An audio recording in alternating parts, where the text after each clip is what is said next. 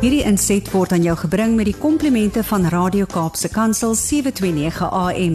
Besoek ons gerus by www.cape pulpit.co.za.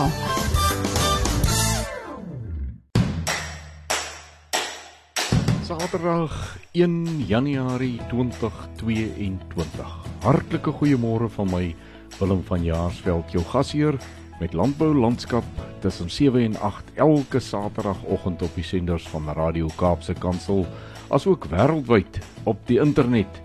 Ek wens jou alle voorspoed toe vir 2022. Waarna kan jy vanoggend uitsien gedurende ons uurlange kuiertjie? Om 10 oor 7 kom saad vir die saaier aan die beurt. Ons skrifgedeelte van môre is 2 Korintiërs 5 vers 17 en die tema daarom het Jesus die vorm van 'n mens aangeneem. In Kapstok om 7:20 kyk ons na die verantwoordelikhede van markowerhede saam met Frans van Nulls en in Huis en Hart wat om 7:30 begin van môre die volgende insette. Dr Theo de Jager gesels oor wêrelddebatte. Dr Hendrik Smit praat oor gronddeurligtiging Rolf Pinaar gee inligting oor die witte wynappel en Andre Diedericks gesels oor familieboerderye. Landboulandskap word afgesluit met stories van hoop omstreeks 10 eh, voor 8 met die getuienis van Lorika Haller. 'n Lekker vol program so op die eerste dag van 2022. Ek wil vir jou nooi om met my te gesels per e-pos My e-posadres hier by Radio Kaapse Kansel is my naam Willem @capepulpit.co.za. Nou ja, ek uh, weet baie mense het 'n probleem daarmee as mense dit so op die Engels sê, uh, maar dis maar .co.za en uh, nou ja, net soos wat jy dit verkies.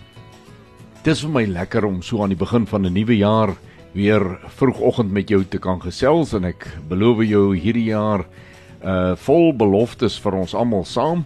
En kom ons kyk wat hou die jaar vir ons in en ons maak die beste daarvan. Ons weet ons het die afgelope 2 jaar het ons nou al 'n voorsmaakie gehad van as die wind bietjie weswaai maar ons het daardeur gekom deur die genade deur op ons knieë te bly en hulp te kry van die regte plek Landboulandskap word aan jou gebring met die komplimente van Cape Pots varsprodukte mark. Ek nooi jou graag om met ons te gesels deur middel van ons baie bekende nou al WhatsApp en Telegram nommer 0817291657 of stuur 'n SMS aan 37988 en begin jou boodskap met die woord landbou. Ons gesels net hierna verder bly ingeskakel. Jy luister na Landbou Landskap op Radio Kaapse Kansel en ons saai uit op 729 AM of MW net soos wat jy dit verkies of net soos wat jou stukkie apparaat wat ons 'n radio noem dit vir jou toelaat stel hom op 729 en kies die uh, band AM of MW en jy kan ook wêreldwyd na ons luister op internet. Jy gaan net na ons webtuiste of ons Facebook blad en dan van daar af kan jy toegang tot enige van ons programme kry en ook die potgoeie wat op uh, Radio Kaapse Kansel beskikbaar is. Gebruik dit gerus en luister na al ons programme. Uh vervolgens 'n stukkie musiek en daarna kom ons by vandag se saad vir die saaier en ons lees 2 Korintiërs 5 vers 17. Hierdie is ons eerste aflewering van Saad vir die Saaier in die nuwe jaar 2022 en onder die tema dankbaar in alle omstandighede lees ons vanmôre 'n enkele vers 1 Tessalonisense 5 vers 18 dit lees soos volg wees in alles dankbaar want dit is die wil van God in Christus Jesus oor julle Nou dit is baie min woorde, maar dit het 'n ongelooflike groot betekenis. En so baie keer in ons lewe is ons net dankbaar vir die wonderlike en die groot dinge. Ons is nou net verby Kersfees en oor die Kerstyd toe eh, seisoen of in die Kersseisoen het ons mekaar weer daaraan herinner dat ons 'n baie baie groot geskenk gekry het die dag toe die verlosser Jesus Christus gebore is. En dit is waaroor die hele dag van Kersdag gaan. Maar ons moet meer male ook kyk na die klein dingetjies en soms ook na die minder lekker dingetjies. Daardie sake wat in ons lewe vir ons so lyk asof dit 'n bietjie onnodig is. Dit kon nou eerder maar uh, gelaat staan gewees het of dit kon maar net verbygegaan het. Ons het dit nie nodig gehad nie. Ek het die afgelope sê 2 jaar en veral verlede jaar 2021 het ek in my persoonlike lewe soveel keer gesien dat dit juis die swaar omstandighede is, die moeilike tye, daai tye wat jy wens nooit sou gewees het of moes gewees het nie. Dat dit juis daardie tye is wat die dankbaarheid opnuut in ons harte bring wat ons dankbaar maak, dankbaar maak vir alles wat gebeur. In alle omstandighede dankbaar is en ek wil vir u vandag bemoedig en aanmoedig. Kyk met nuwe oë om jou. Kyk met nuwe oë na jouself. Kyk met nuwe oë na jou huismense, na jou familie, na jou vriende en jou werksgenote daar waar jy werksaam is. En vra dat die Here elke dag vir jou ietsie sal wys in ander mense, in jou omstandighede waarvoor jy dankie kan sê, waarvoor jy dankbaar kan wees. Kom ons bid saam. Vader, dit is vir ons as mens nie 'n natuurlike ding om net dankbaar te wees nie. U ken ons, U het ons gemaak. Here, U weet hoe maklik ons kla en kerm. U weet hoe maklik ons ondankbaar is. Ook wanneer dinge goed gaan, dan wil ons hê dat dit nog beter moes gewees het. Ons bid vandag dat U ons asseblief die vermoë sal skenk om met nuwe oë te kyk, om met 'n nuwe begrip te verstaan en dat ons U hand in alles sal sien en in alles dankbaar sal wees deur Jesus Christus. Ons vra dit in sy groote naam. Amen. Dit het nou tyd geword vir 'n kapstok en vandag gaan ons die hele tyd wy aan 'n uh, gesprek met meneer François Knowles, die registrateur by APEC. Ons het in die verlede al met jou gekuier François, maar baie baie welkom vanmôre weer by ons program. Willem, ehm um, baie baie dankie aan jou en jou luisteraars. Dit is absoluut 'n voorreg om met julle te kon gesels en dan ook baie spesifiek oor die werk wat APEC vir die industrie doen. Dit is presies waar ons vandag gaan gesels. Franswa, jy het in die praatjie reeks wat ons vroeër uitgesaai het oor Apex se werksaamhede, het jy baie duidelik uitgewys dat Apex is daar in belang of kyk sien om is die Afrikaans sien om na die belange van die boer, die produsent, die agent en dan ook die eindverbruiker. Maar nou vandag wil ek met jou gesels oor 'n uh, baie netelige situasie. Die Johannesburgse mark is in die nuus vir die verkeerde redes. Daar is nie genoeg kapasiteit in sy kragopwekkers om die hele mark aan die gang te hou nie en daarom is daar nou koelkamers en rypmaakkamers op daardie fasiliteit wat nie na behore werk nie en dis boere se produkte wat daarin staan en potensieel skade kan lei. Watter rol indien enige kan APEC in so 'n situasie speel? Willem, baie dankie. Um, ek dink dit is belangrik om te verduidelik wat is ons mandaat. Ons mandaat is primêr om die belang van 'n boer op te pas wat sy uh produk deur die um agente wat op die mark werk te bemark. Nou in terme van die Johannesburg situasie, Uh ek dink ons moet dit in konteks sit dat die kragprobleem wat daar tans bestaan is as gevolg van diefstal van kabels wat plaasgevind het. Nou, dis 'n ongelukkige situasie en dit is baie hartseer dat sulke dinge gebeur. Maar hier is die uitdaging wat ek glo aangespreek moet word en behoorlik en vinnig aangespreek moet word. Die markowerheid het 'n verantwoordelikheid om seker te maak dat hierdie probleem opgelos word en dan ook nie weer ehm um, herhaal word nie. So hulle moet allerlei ehm um, planne maak en hulle moet dit vinnig maak om seker te maak dat hierdie probleem hom nie sel weer voordoen nie, want ons boere se produkte ly nou skade wat in koel koelkamers is, uh piesangs wat in rypmaak uh kamers ryp gemaak moet word. En ek dink dan die hele um industrie lê daaronder want daar's nie krag by die mark nie. So die behoorlike verhandeling ligte op die produkte, daai tipe van goed bestaan nie. En dit um vanuit die oogpunt van IPAC is baie belangrik dat ons 'n rol moet speel om seker te maak dat die dat die uh, markowerheid se kant kan bring. Uh, die die die vraag is uh François in alle billikheid.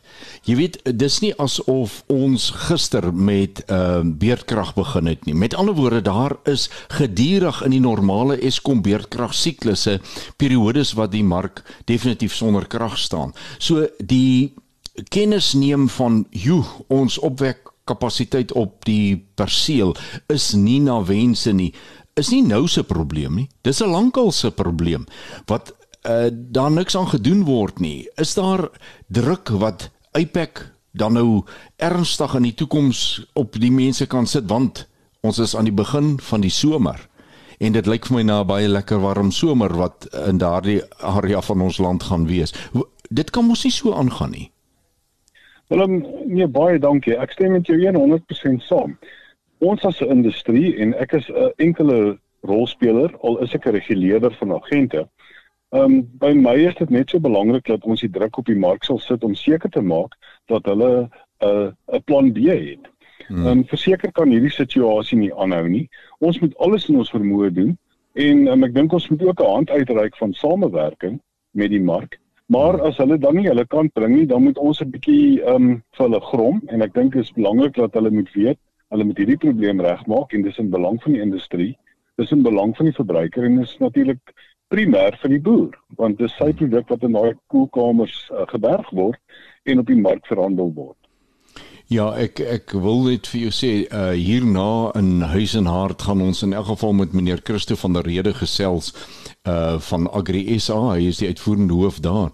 Juis oor wat hulle van Agri SA se kant af doen om druk op die uh mark, maar dan eintlik op die munisipaliteit wat die eienaar van die mark is. Wat hulle doen om druk daar te sit en dan ook ek wil vir jou sê as Apex sou besluit om druk uit te oefen in in in terme van die boeregemeenskap, die varsprodukte uh produsente, sal jy geweldige ondersteuning kry want hierdie is soos jy reeds gesê het dis nie 'n enkeling se probleem nie. Dit is 'n hele industrie se probleem en iewers sal ons net by 'n oplossing moet uitkom. Dit kan nie so aanhou nie want lyk nie of ons Eskom se probleme binne die volgende week gaan uitsorteer nie. So, ehm um, ek is bly om te hoor wat jy vir my sê en ek ek wil jou ook bemoedig om te sê ek dink jy het 'n klomp ouens wat saam met jou in die kruit gaan klim en dalk moet julle maar met mekaar daaroor gesels. Ek ek hoop dit kan gebeur voordat die geveg begin. Ek sê vir jou dankie François vir jou tyd weer eens dat jy altyd bereid is om ook die saak van die boer te beskerm deur dit wat in die magte wat in jou hande gesit is. Dankie vir jou tyd vanoggend, ek waardeer. Willem baie dankie vir die geleentheid. Um, ek wil miskien jou um, hierdie geleentheid net misbruik om dan ook vir die boere dankie te sê. As dan nie 'n boer in ons pragtige industrie is nie, het ons geen ekonomie, geen landbou nie. So baie dankie aan jou, baie dankie vir die geleentheid. Ehm um, dit word opreg gewaardeer. Baie dankie. Dit was meneer eh, Knowles, François Knowles van Apex, die registreer by Apex. Bly ingeskakel net hierna in Huis en Hart gaan ons hierdie onderwerp verder uitpak om die perspektief vir jou te gee vir jou as luisteraar. Bly ingeskakel. Ek is net hierna terug. Jy luister na 'n landbou landskap op Radio Kaapse Kansel en ons is besig met Huis en Hart. Ek wil baie graag uh, vir u 'n uh, insetsel speel wat ek 'n uh, geruime tyd, baie lang tyd eintlik terug in 'n gesprek opgeneem het wat ek en Dr Theo de Jager, die president van die Wêreld Landbouorganisasie gehad het oor wat gebeur op die die speelveld van die groot landboulandskap, daar waar lande en wêrelddele met mekaar gesels. En dit was vir my interessant toe ek die insetsel wat ek nou vir u gaan laat indeel, toe ek hoor wat was sy antwoord op daardie stadium gewees. Die van u wat uh, baie gereeld na hierdie program luister op 'n Saterdagoggend sal onthou dat ons die afgelope klompie weke met professor James Blighnout gesprekke gehad het juis oor koolstof, die rol van koolstof in die atmosfeer in die grond en herkouers se rol daarin en dis meer. En toe is dit vir my interessant toe ek nou na hierdie insetsel gaan luister wat ek in my databank het. En ek kom agter maar dit waarmee ons stoei hier op plaaslike vlak hier op die in die landboulandskap ter plaatse uh verskil toe nou nie so baie van dit wat daar elders in die wêreld bespreek word nie. Luister gerus wat sê Dr Theo De Jager. En hy begin toe sommer met hierdie onderwerp van koolstof. Luister gerus. Daar word gesê dat ons die tweede grootste vrysteller van kweekhuisgasse is. Ons is verantwoordelik vir ongeveer 27% van alle kweekhuisgasse. En en ons antwoord daarop en daar gaan letterlik nie 'n week om wat daar nie 'n erge gestryery hieroor is nie. Ons standpunt in die wêreldlandbouunie is dat jy kan nie die kweekhuisgasse en veral metaangas uit die ehm um, uit uit uit die blaarpense van van vee vergelyk met die kweekhuisgasvrystellings van die energiesektor of die vervoersektor nie. In daardie sektore haal jy antieke bronne weer uit die grond uit en uh, plante wat geleef het miljoene jare gelede wat intussen steenkool of olie geword het ontbrand jy weer en jy sit daardie koolstof weer terug in die atmosfeer waar dit vir 1000 jaar kan bly. Dis iets anders as metaangas wat maar 'n halflewe het van 12 jaar wat in elk geval omsit weer in koolstof en daardie bees wat die die gasse vrystel hy vreet weidings af. En daardeur stimuleer hy verdere groei, nuwe fotosintese en in die proses van fotosintese word daar weer koolstof uit die atmosfeer gehaal en teruggesit waar dit hoort onder die grond. So die sekwestrasiepotensiaal van beeste op weidings en ons nou praat ons van grasvretende ehm um, beesvleisproduksie is baie hoër as die kweekhuisgasvrystellings. So so ons beklei daaroor dat ons ons wil nie in dieselfde liga gemeet word nie. Ehm um, ek, ek ek het so onlangs soos Vrydag vir die voedsel en landbou unie gesê, dis bitter onregverdig dat julle ons wil oordeel in landbou net aan ons uitgawe kant van die balansstaat en nie ook kyk aan die inkomste kant nie. Ehm uh, dis net landbou wat eintlik koolstof kan sekwestreer ook. Maar dan sal natuurlik ook die debatte oor tegnologie en die rol van tegnologie veral in die toekoms van landbou en um, tegnologie praat ek nie net van mekanisasie nie ek praat van die rol van groot data kunsmatige intelligensie die internet van dinge robotika ehm um, die die tipe van ding wat mense onder 25 baie opgewonde maak en mense van my ouderdom baie bang maak maar wat waarskynlik die toekoms van landbou tot 'n groot mate sal dikteer. Nou ja, toe, dit is vir my baie lekker en sommer bevredigend om te hoor wat op wêreld landbouvlak aangaan die debatte en dis meer. En dan kyk ek op ons landboulandskap rond en ek sien ons is met min of meer dieselfde dinge besig. Dalk nie heeltemal so intens soos daar nie, maar ek is ook dankbaar dat ons stemme het wat inspraak daar kan lewer om ons Suid-Afrikaanse boere ook daar te verteenwoordig en ons stem daar te laat hoor. Ons sê baie baie dankie aan Dr. Theo de Jager uh vir sy uh, mededelings en ek dink ons kan elkeen nogal iets daarvan saam met ons neem op die pad vorentoe. Bly gerus ingeskakel. Ek is net hierna terug. Jy luister na Landbou Landskap en vir ons volgende gesprek oor herlewingslandbou met Dr. Hendrik Smit 'n bewaringslandbou fasiliteerder, gaan ons vanmôre 'n bietjie gesels oor die proses van om grond te deurlig en dis meer. Goeiemôre Hendrik. Hallo Willem, lekker om weer met jou te gesels. Ja, jy vertel vir ons van allerlei pragtige dinge wat baie na in die natuur is en uh, ek wil vanmôre by jou weet. In die verlede het of tradisioneel het ons 'n eyster in die grond gedruk om die grondprofiel los te kry, op te breek sodat ons geloof was dat nou kan 'n wortel in hom ingaan. Hy kan hom penetreer en water kan hom penetreer. Hoe doen ons dit in herlewingslandbou? Ja, dis dis 'n belangrike vraag, daai Willem en en dit is waar meeste van die verkeerde persepsies eintlik ehm um, gekoppel is aan dat jy 'n ploeg en 'n versteuring en 'n bewerking van grond nodig het vir wortels. en wat ons nou destyds of steeds noem 'n uh, baie mooi ehm um, saadbed voorberei. En ehm um, nou dit is hierdie hierdie uh praktyk en persepsie is gebaseer op op onkunde van hoe grond eintlik werk. Hoe gesonde grond eintlik moet lyk en werk. So, jy weet terug by daai uh, stelling wat ons laas keer gemaak het dat um, ons ons uh, stelsels beginsels uh, gebaseer is op hoe die natuur werk en dat ons na as moontlik aan die natuur moet beweeg.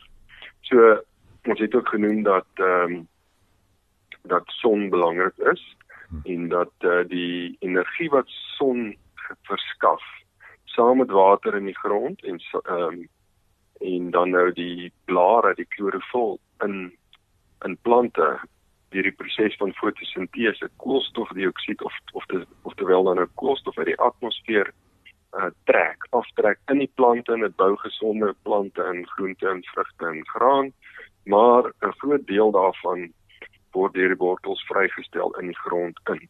En omtrent 40% van hierdie fotosintese produk of koolstofproduk, vloeibare koolstof word in die grond ingepomp en dit voed die grondbiologie of die grondvoedselweb en dit is absoluut afhanklik uh, belangrik om gesonde grond te skep want uh, om 'n lang storie nou kort te maak as jy gesonde biologie of grondgesondheid het hmm. um, uh, of daai grond grondvoedsel wet baie goed werk het jy uh, baie meer vrugbaarheid jy het baie meer struktuur ja yeah. en struktuur beteken ehm um, poree wat gemessel is aan die binnekant basies met koolstof wat baie sterk is. Met ander woorde as daar water indring, dan val hy nie, dan sluk hy nie toe nie. Ehm um, maar dit laat water toe soos 'n spons effek en dit laat ook wortels toe. So wortels help om daai poree te skep, maar ehm um, ook die mikroorganismes help om daai poree te skep, groter en kleiner poree en dit help om 'n grond spons te skep wat wortels en water toelaat en jy het niks anders nodig nie. Jy het net 'n gesonde grond wat nie versteur is nie wat 'n uh, wat 'n uh, sterk ehm um, poree het wat water en wortels toelaat en en humus speel 'n baie groot rol in hierdie ehm um, sponsagtigheid wat grond moet ontwikkel nê nee?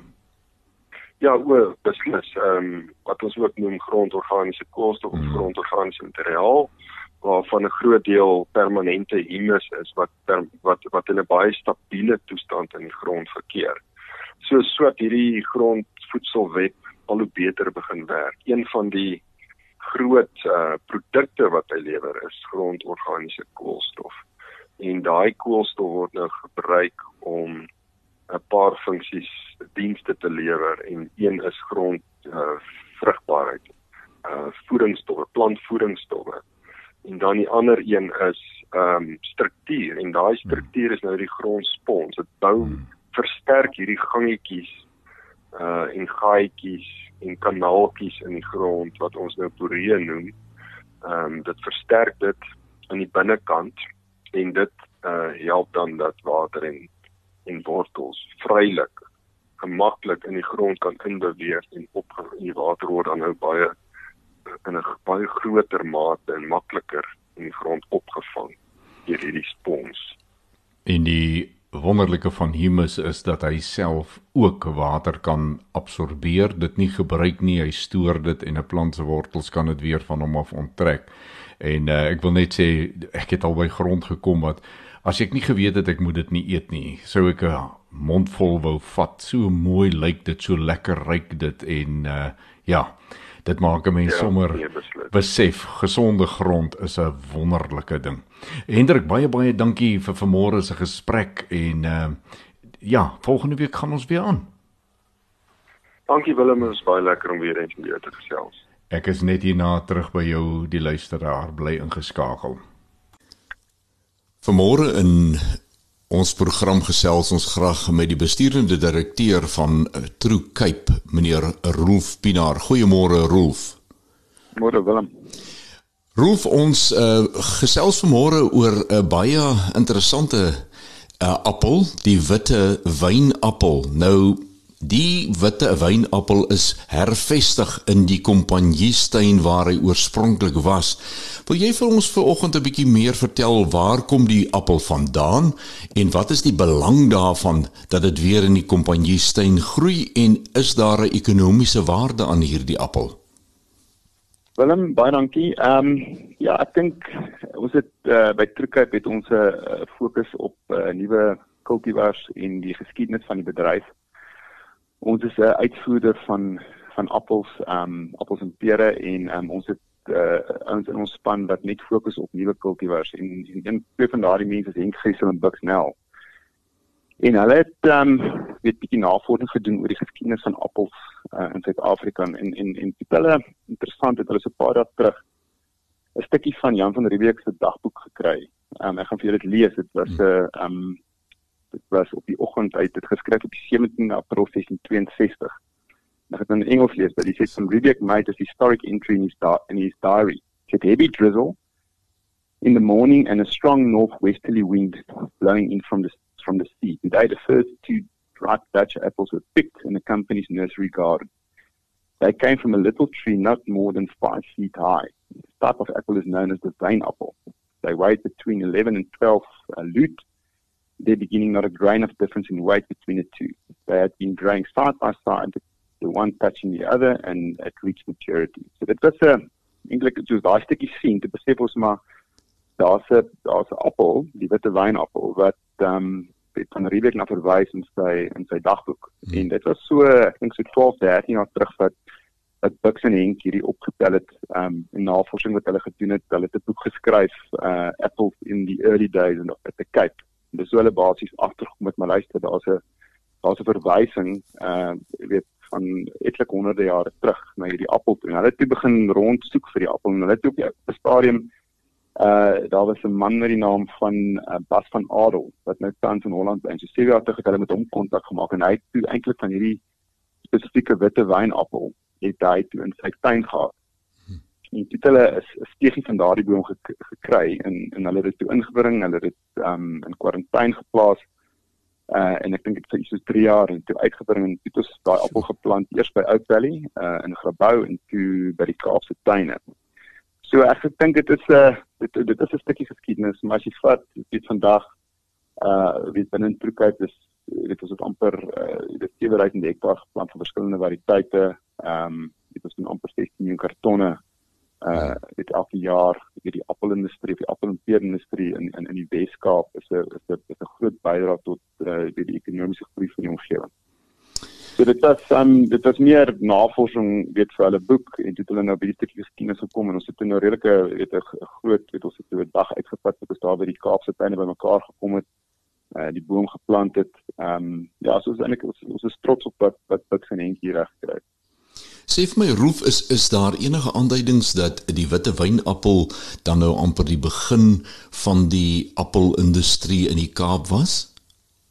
Ja, ek dink jy weet ons weet nou oor die jare weet ons die witte wynappels so glad nie meer dat ons dit kommersieel uh weet verbou nie. So weet ons is nou die feit daar's nou nuwe variëteite wat ehm um, Pink Lady, Ganzi, Jazz, ehm um, weet Roll Gala, ek wat Flash Gala. Dit is alles nuwe variëteite wat wat wat geplant is en ek glo daai dit is 'n wetenskap op sy eie en dit verander die hele tyd. So dit was die ek sou sê ek ek weet nie of hulle dit kommersieel daardie dag gedoen het nie, maar ek dink van 'n van 'n dit is nou vat in 2021 en ek vat waar die industrie vandag is. Hmm. Ons is definitief nie die grootste produsent uh weet in die wêreld in terme van appels en pere nie, maar ons is ons is definitief in terme van die suidelike halfrond een van die groot rolspelers uh ten opsigte van uitvoere. Uh en en en ek dink dit is vir my um ja, so jy kan eintlik maar sê dit was die begin En uh jy weet is eintlik fantasties dat daai stukkie geskiedenis behoue gebly het en dat um, weet jy eintlik vandag net daardie appel kan gaan kyk. Rolf baie baie dankie vir hierdie mededeling vanmôre. Ek sal graag in die toekoms weer met jou wil gesels 'n bietjie meer oor Troekyp se werksamehede en die uitvoer van appels en pere. Maar baie dankie dat jy vanmôre tyd gemaak het om met my en die luisteraars te gesels. Dankie Willem, baie. In huis en hart het ons 'n reeks gesprekke met meneer Andrei Diedericks van Fabasa uitgesaai oor die belangrikheid van uh alles wat rondom gesonde familieboerderye gaan uh, grondwet, opvolgplan en dis meer. En in die laaste tyd gaan dit baie rof met die boere se ekonomiese sake. En ek het ek hom gevra om so 'n bietjie 'n terugblik te gee op belangrike aspekte net as 'n verfrisser van ons geheue. En hier is Andrei se antwoord op my vraag: Wat is die belangrike goed om te onthou? Ons lei dan nou vandag hierdie reeks oor uh familieboerderye af uh en net ons in die vorige programme gekonsentreer op aspekte soos die grondwet en die opvolgplan en ander belangrike aspekte. Ons moet egter onthou dat daar altyd beheerbare en nie beheerbare veranderlikes is. Jou grondwet en opvolgplan is heeltemal binne jou beheer en dis daar's daar is dis nie 'n verskoning nie, jy moet dit voltooi. Dis belangrik. Om die plans vir toekomstige generasies te bewaar is dit noodsaaklik dat hierdie twee prosesse in plek is. Maak dit seker dat dit gebeur. Jy moet egter ook beplan vir onbeheerbare veranderlikes, iets waaroor jy nie beheer het nie, soos byvoorbeeld ongewone moeilike ekonomiese tye of droogtes. Jy moet beplan vir moeilike tye want as jy nie beplan het nie, dan gaan jy regtig in die moeilikheid wees in moeilike tye. Onthou, as ons faal om te beplan, dan beplan ons om te faal. Ek gebruik die analogie van 'n boom in my boek Veldwysheid wat vir ons hierdie aspek uh, leer. 'n Boom gooi sy blare af as in 'n seisoen gaan waar daar nie reën is nie want die blare stoor ook water en die boom wil oorleef so hy maak seker dat al die water net vir sy wortelstelsel beskikbaar is. Net so moet jy ook leer om te beplan wanneer dit goed gaan as daar sogenaamd reën is sodat jy deur die droogte of ekonomiese tye ook kan oorleef. Daar's twee dinge waarop ons moet fokus. Die eerste ding is wat ons moet vermy en die tweede ding is wat ons moet vermag. Nou as ek praat van wat ons moet vermy, dan kyk ek al na die veral na die drie skuldsondes. Die eerste een is gierigheid. Do I need more, do I greed more? Op Amerikaanse dollar staan daar geskryf in God we trust. Moenie dat daai ding verander na in greed we trust nie. Gierigheid laat jou dinge koop wat onnodig is. Die tweede skuldsonde is impulsiewe aankope. Daai goed wat ons impulsief aankoop wat ons nie regtig vir beplan het nie en wat eintlik onnodig is.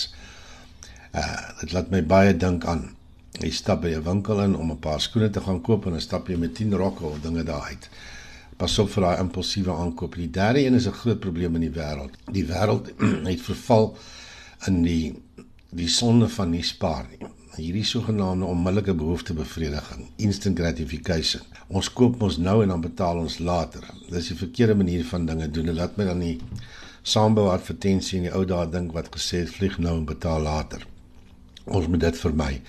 Wat ons moet verwag is die teenoorgestelde van skuld en dit is dat ons moet leer spaar en dit moet ons dissipline raak. Die eerste les is om te leer om jou gemaksones te vermy. In goeie tye raak ons maklik laks of lei en vergeet dat dit nie noodwendig altyd goed sal gaan nie.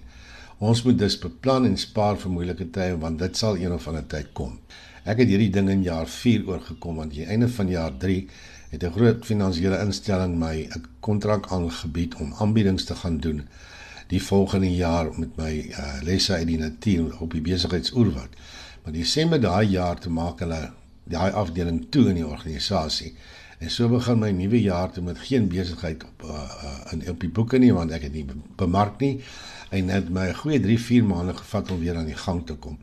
Gelukkig het ek gedoen wat ek myself leer en ek het in die tye wat dit goed gegaan het, het ek gespaar so ek kon daai tydperk oorleef.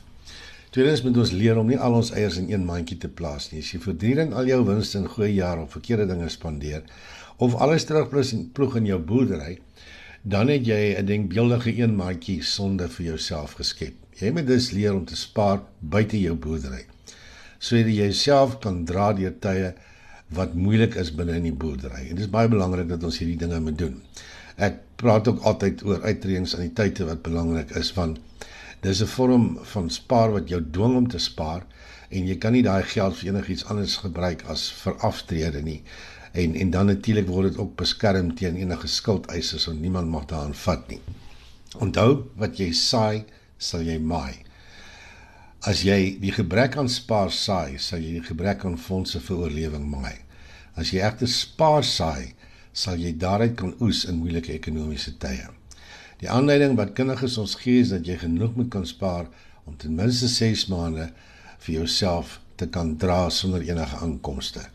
Ek uh, bid julle alles seën toe Ek weet uh, landbou is nie altyd maklik nie, maar dit is noodsaaklik.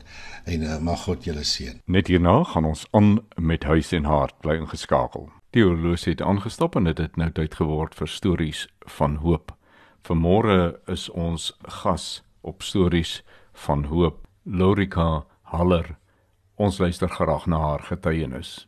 Die kragtigste oomblik waar ek God se teenwoordigheid ervaar het en besef het wie God werklik is, was nie in 'n kerk toe ek vorentoe gestap het gevra het vir gebed of toe ek 'n fisiese genesing ervaar het nie. Dit was juis in my donkerste oomblik waar ek geestelik op my lelikste gelyk het, die lelikste oomblik in my lewe. Ek en my man het as Christene ontmoet, ons is as wedergebore Christene getroud en het 'n baie gelukkige huwelik gehad. Ons het twee lieflike seuns gehad. Hulle was tieners en ons het 'n afdraaipaadjie gevat in ons geestelike lewe met die Here. Ons het begin om God te speel in ons eie lewe. Ons wou beheer neem van ons eie lewe en alhoewel ons nog steeds Bybel gelees en gebid het, het ons meer kerk toe gegaan nie en ons het afgedwaal sonder om dit te besef. En wanneer mens God speel in jou eie lewe, raak jy selfsugtig. En daai selfsugtigheid het daartoe gelei dat ons al hoe verder van mekaar af begin beweeg het, dat ons nie meer ons lewens mekaar neergelê het nie. En die uiteinde was dat daar 'n geweldige kloof tussen my en my man gekom het. Ehm um, daar was finansiële druk met ehm um, dit was in 2009 toe dit so swaar gegaan het in die hele wêreld.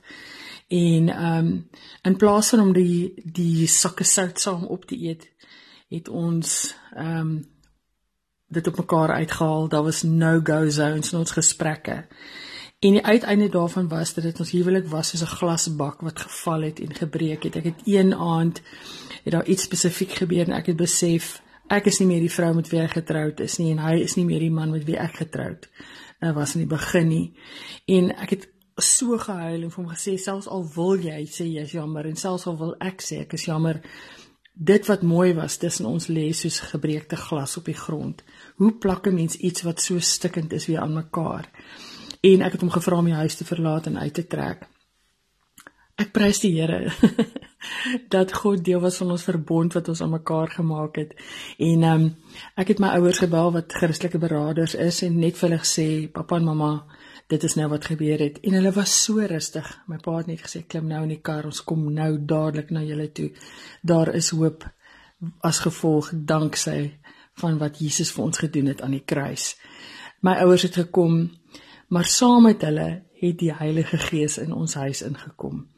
En terwyl my pa en my ma my beraad het, my man was nie daar nie, die Heilige Gees 'n sonde besef oor my lewe gebring soos ek nog nooit in my lewe ervaar het nie. Ek het verwag dat hulle daar gaan sit en vir my sê wat als my man verkeerd gedoen het. Maar hulle het God se liefde oor ons uitgespreek en oor my man. En terwyl my pa gepraat het, het die Heilige Gees met soveel liefde maar so so direk vir my gewys wat my aandeel was. Ek kon nie wag dat hulle ophou praat sodat op my knieë kon neerval langs die bank en vergifnis vra vir wat ek gedoen het nie. En dit is ook wat ek in daai oomblik gedoen het. Ek het vir daardie oomblik besef wat Christus aan die kruis vir elkeen van ons gedoen het.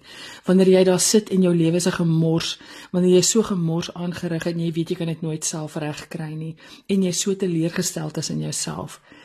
Vir die eerste keer in my lewe het ek besef wat dit beteken wat Jesus aan die kruis vir ons gedoen het. Dat daar hoop is, dat daar vergifnis is. Ek het my man gebel. Hy het ingekom. Die Here het presies dieselfde ding met hom gedoen. Ons is binne 'n halfuur met mekaar versoen. Ons kon saam met my ouers op ons knieë gaan en die Here net dankie met trane wat oor ons wange stroom vir die wonderlike wonderlike verlossing wat Jesus vir ons aan die kruis gebring het. En ek sê hierdie dinge nie ligtelik nie. As gevolg van daardie ervaring weet ek dat daar hoop is vir elke liewe huwelik.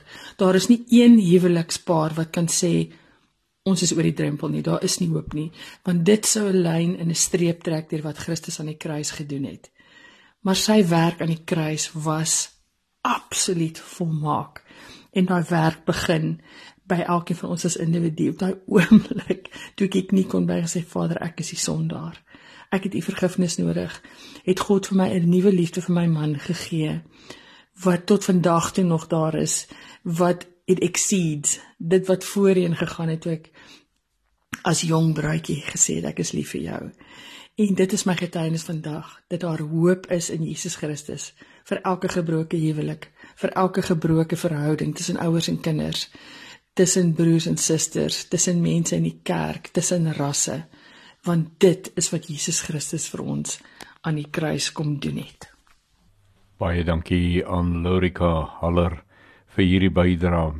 Ja, as ek so luister na die getuienis, dan is dit vir my duidelik dat daar is net een een wat ons in ons lewe moet hê.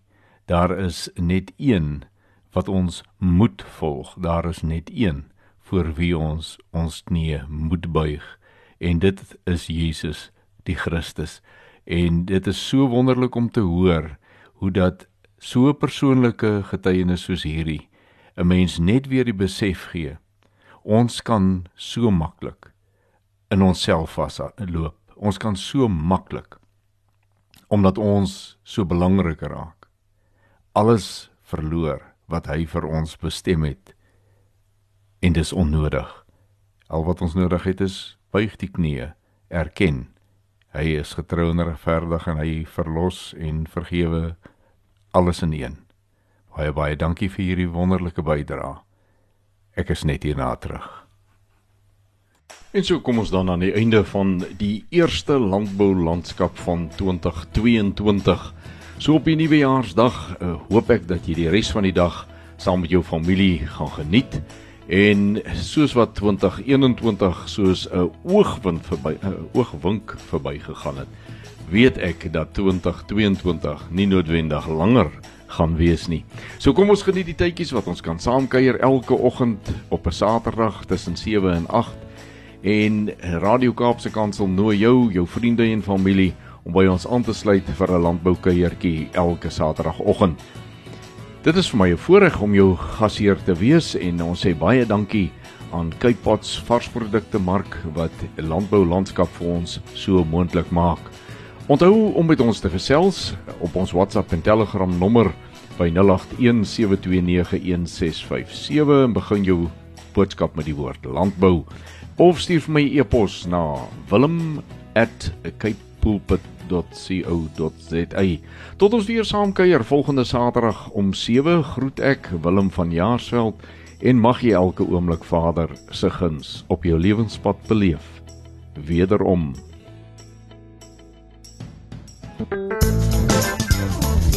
This insert was brought to you by Radio K Pulpit, 7 to 9 a.m. Please visit kpulpit.co.za.